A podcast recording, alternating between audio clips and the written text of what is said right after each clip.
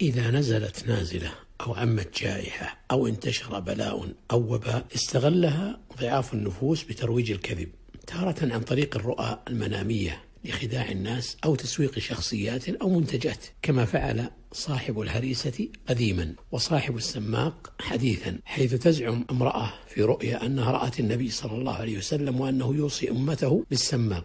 وهو ثمر نبات يستعمل في تحسين بعض الأطعمة وتارة عن طريق الكذب وتلفيق المقالات ونسبتها إلى علماء معروفين أو غير معروفين وربما اخترعوا أسماء مؤلفين وكتبا لترويج الكذب المفضوح. ومنها ما قيل عنه كتاب عظائم الدهور ونسب إلى مؤلف لا يعرف ويزعم أنه من علماء القرن السادس الهجري. ومما يدل على كذب المنشور أنه ذكر ظهور الوباء في القرن العشرين وهذا حسب التاريخ الميلادي الذي لم يكن يؤرخ به العلماء وما فشى في بلاد المسلمين إلا بعد دخول المحتل الغربي لبلادهم. مع ما في هذا المنشور من أخطاء وركاكة في اللفظ. وعلى المسلم أن يتنبه إلى أن المستقبل غيب والغيب لا يعلمه إلا الله كما نطقت بذلك الآيات البينات. قال رب العزة سبحانه وتعالى قل لا يعلم من في السماوات والأرض الغيب إلا الله. وقال عز وجل عالم الغيب فلا يظهر على غيبه أحدا إلا من ارتضى